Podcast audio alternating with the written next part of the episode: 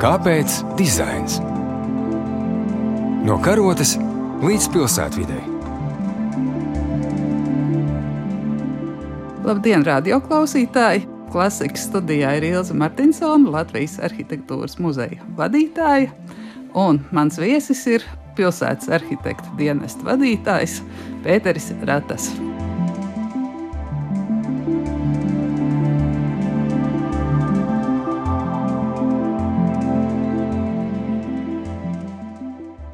Man ir liels prieks, Pēters, sveikt mūsu studijā, kā jauno pilsētas arhitekta dienesta vadītāju, tāpēc ka mēs esam uz viņu ļoti ilgi gaidījuši.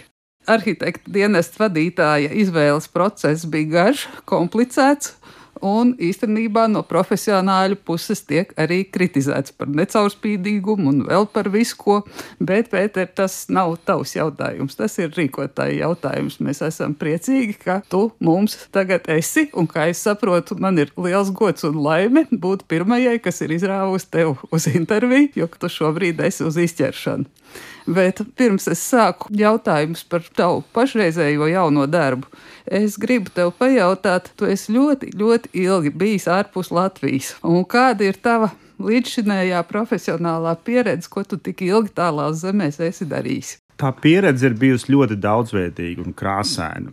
Un tas ir tas varbūt labākais, ir svarīgākais pienesums, ko es varētu dot. Es zinu, ka būs arī jautājumi, teiksim, vai tā pieredze tiešām pielietojama šeit, piemēram, vai nu Ķīnas periods Šanhajā, kaut vai arī tas Ņujorkas pieredze.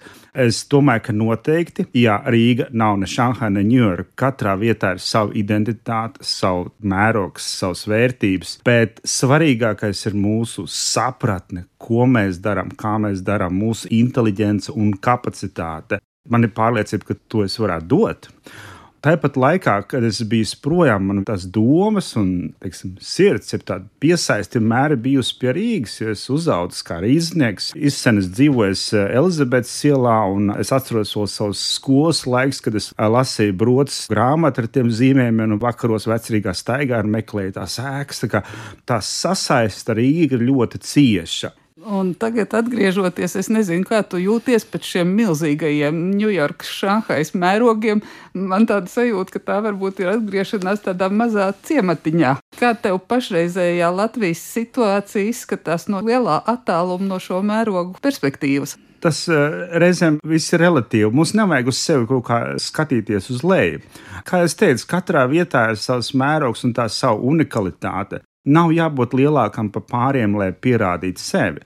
Rīgā ir savas vērtības, Latvijā ir savas vērtības. Es domāju, mums viņas jāapzinās, pašiem jāizkopja un jāciena. Ja mēs skatāmies uz sevi pozitīvi, Jā, mēs visi daudz ko varam. Mums nav jākaunās par sevi. Nedrusku. Tu gribi teikt, ka tu nejutīsies ierobežots kā mazā provinces pilsētiņā. Es galīgi uz to tā neskatos. Protams, jāpieiet pie tā saprātīgi, jo katrā vietā būs savu kaut kāda ierobežojuma. Arī lielā pilsētā ir sava ierobežojuma. Tie reizēm ir tieši pretēji, ka tu nedabū to mieru un klusumu.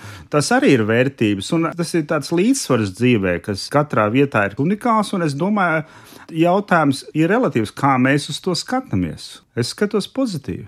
Un es gribu teikt, ka izpratne par to, kas ir pilsētas arhitekts un kas ir pilsētas arhitekta darbs, ir ir gadsimtu gaitā stipri mainījusies. Pirmais oficiālais Rīgas pilsētas arhitekts bija Johans Daniels Felsko 19. gadsimtā, un tolaik arhitekta pienākumi bija pilnīgi citi. Arhitekti tobrīd paši praktiski daudz projektēja, gan lielas sabiedriskas ēkas, un kas pats interesantākais, arī absolūti utilitāras lietas, noliktavas, un tas bija viņu tiešais darbs kā arhitekts Renholds Šmēlings mums ir atstājis mantojumā veselu virkni ar skolas ēkām, ko mēs varam tagad lepoties. Un savukārt, kad jau mūsdienās pēc ilgāka pārtraukuma šāds pilsētas arhitekta amats vispār tika atjaunots, un šo amatu ieņēma kā pirmais Jānis Dripe, tad, manuprāt, šis amats bija vērsts vairāk uz tādu reprezentāciju, uz arhitektūras popularizēšanu, uz dažādu izdevumu izdošanu, bet šobrīd situācija ir mainījusies. Ir vispār mainījies pats dienests, vairs nav pilsētas arhitekta birojs, ir dienests, tas nozīmē pilnīgi citus pienākumus. Es gribu cerēt, ka tu vispār zini, kādi ir tavi amata pienākumi, jo tas bija viens no pārmetumiem, ka iepriekšējā konkursa pretendenti sūdzējās, ka viņi pat nav iepazīstināti, kas īsti ir šie pienākumi. Kas tad tagad šobrīd ietilpst pilsētas arhitekta dienesta vadītāja darbā? Mans pienākums ir um, patiesībā vairāk pienākumu. Ir pirmais, rūpēties, uzturēt un virzīt pilsētas arhitektonisko kvalitāti, publiskās telpas kvalitāti. Tas būtu viens ļoti būtisks faktors. Vēl ir uh, iekšēja pilsētbūvniecības padome. Tā būtu padome, kurā risina svarīgas pilsētbūvniecības jautājumus izskata lielus priekšlikumus, un tā padoma varētu dot no tāda vispārīga eh, skatu punkta vērtējumu par priekšlikumu ietekmi, kvalitāti uz pilsētu vidi no tāda arhitekta. Šī brīdī jāsaka arī tāda daudz nozaru komandas, jo mūsu ir gan ainavu arhitekti, gan pilsētas dizaineri. Tā kā mums būs tāds plašāks skatījums tīri par pilsētas arhitektonska is.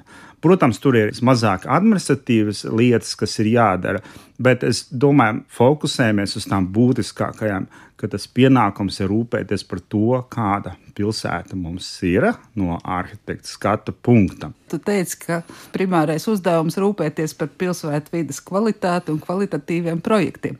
Te man rodas jautājums, vai tavai balsī būs konsultatīvs, ieteicošs raksturs, vai tev ir arī kādas veto tiesības nobremzēt, ja kaut kas liekas galīgi garām? Šobrīd, tā kā mēs esam daļa no attīstības departamenta, mums būs balss gan būvniecības padomus sēdēs, gan arī pilsētu būvniecības padomus sēdē mūs vadot.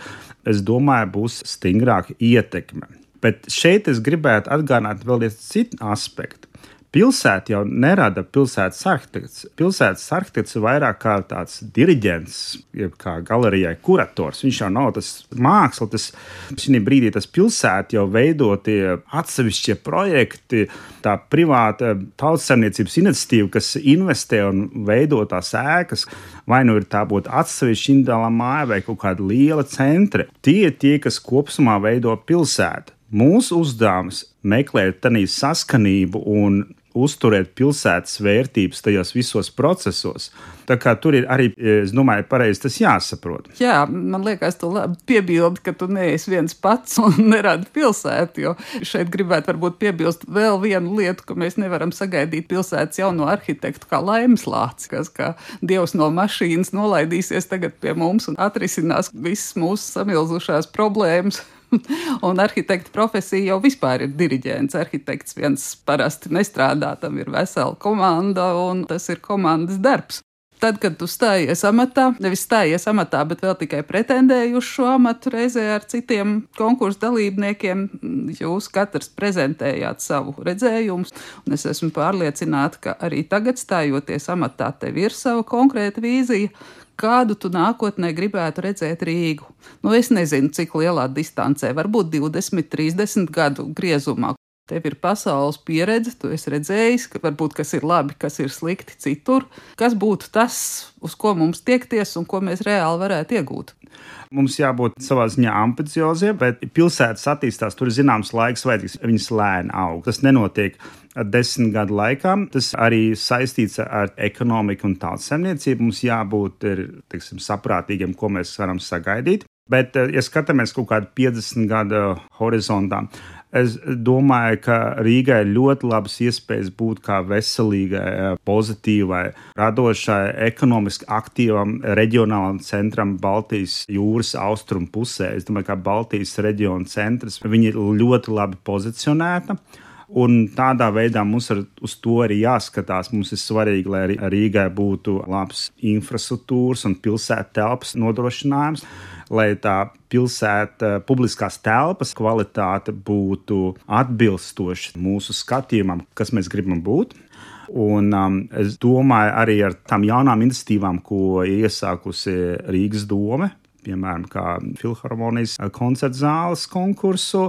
Man ir pārliecība, ka tas tomēr fiziski notiks un tiks uzbūvēts. Eventuāli ar laikmetīgās mākslas muzeju mums būs tās eh, kultūras pērles, kas uzlabos gan to apkārtējo pilsētvidi, Es domāju, ka mēs gan ar tiem šī brīža infrastruktūras projektiem dzelzceļa, mēs sakārtosim arī savu satiksmi. Protams, mums ir jāapzinās mūsu iespējas.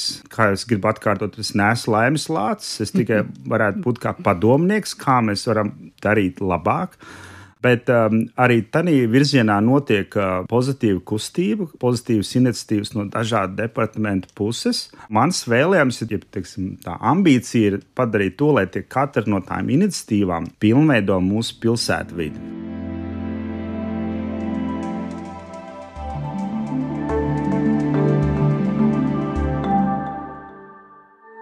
pilsētvidi. ja tu saki, ka mēs varētu būt tāds Baltijas centrs nākotnē, kur tu saskati tieši to mūsu potenciālu. Man patīk, ka tu esi optimists par mākslas muzeju, jo šeit dzīvojot, ir visu laiku sajūta, ka mēs tikai kaut kur iegrimstam un aizķeramies, vai ne par mākslas muzeju šobrīd vispār neiet runa, bet Valmieras teātris un Jaunais Rīgas teātris ir iestrēguši, bet varbūt, ka mums ir kaut kādas pozitīvās puses vai ģeopolitiskās vai zaļās zonas vai ūdensmalas vai kas ir tas, kas mūs varētu celt.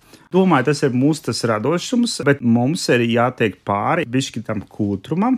Es domāju, ka jauniem cilvēkiem ir daudz lielāka enerģija, uzņēmība, jo beiga beigās to tautsēmniecību, mūsu turību jau nodrošina tā ekonomika. Arī par to muzeju maksās. Vajadzēs mums radīt to produktu, un um, pilsēta būs tās poguls. Tam vajag liela enerģija. Un es domāju, mums tā uzņēmība un tāda, um, kā angļuiski saka, entrepreneurship, tāda ir jāveicina tāda. Caursišanas spēja. Jā, pilnīgi pareizi. Viena tāda caursišanas spēja, bet arī neatlaidība. Jo jebkāda sasnieguma dzīvē, viņam nenāk viegli. Arī, ko minēja par tām kultūras celtnēm, tas ir ļoti normāli, ka viņas velkās gadiem, jo tur ir tāda kopēji teiksim, arī tās pilsētas, gan sabiedrības, visas interešu kruspunkts, un tur ir visādas pretrunas rodās. Tas notiek lēni, varētu būt ātrāk. Jā, varēja būt efektīvāk, mēs varējām būt apdomīgāki, veiklāki, jā, bet ir kā ir, bet mēs virzamies pareizā virzienā. Varbūt arī vienkārši teiksim, krīžu fona ir tāds pesimisms, Bet um, es atceros, viena padoma bija no izcens viena priekšnieka, kas teica, ja tu esi tādā drūmā situācijā, tev jāskat tā perspektīva, kur tu gribētu būt. Un vienkārši soli pa solim ej tādā virzienā. Tas būs ilgāk vai ātrāk, to tu nevari zināt, bet tev vienkārši jāsāk kustēties, kaut ko darīt tajā lietā. Tur nav vērts vaimanāt. Un, ja tāda attieksme ir, būs tā pozitīvā pārmaiņa lielāka vai mazāka, tas var pat nav tik svarīgi. Kādi tad būs tie tuvākie soļi, ar kuriem tu virzīsies uz nākotnes mērķi? Ko tu esi iecerējis vistuvākajā laikā paveikt? Ir ieceres, kas jau ir iesākušās, un patiesībā viņas saskana ar, teiksim, ar manu redzējumu. Tas ir par pilsētas publiskās telpas vadlīnijām. Mums jābūt labai vīzijai, kādu mēs pilsētu gribam padarīt. Ja mēs gribam radīt labu, skaistu pilsētvidi, Mums jābūt kādam redzējumam, kas tas ir. Kas ir skaists, kas ir saskanīgs, kas ir kontekstuāls, kas ir atbilstošs mūsu vērtībām. Mums jābūt tam redzējumam. Tas redzējums mainīsies laika gaitā, tas atspoguļos mūsu pašus kā sabiedrību tad mums jānodefinē tas redzējums. Un es domāju, ka šī iniciatīva, kas ir iesākusies pirms manis, tieši sakrīt ar to, kā es redzu pilsētas arhitekta pienākumus. Un es domāju, ka šī gada laikā mums izveidosies skaidra vīzija, kā par publisko telpu, sākotnēji ar ielām, vēlāk gan ar apstādījumiem, gan ar ielu apgaismojumu, jo tā publiskā telpa jau veido to, ko mēs redzam kā pilsētu. Ir lietas, kas notiek mājās iekšā, mēs to nedarām neredzam.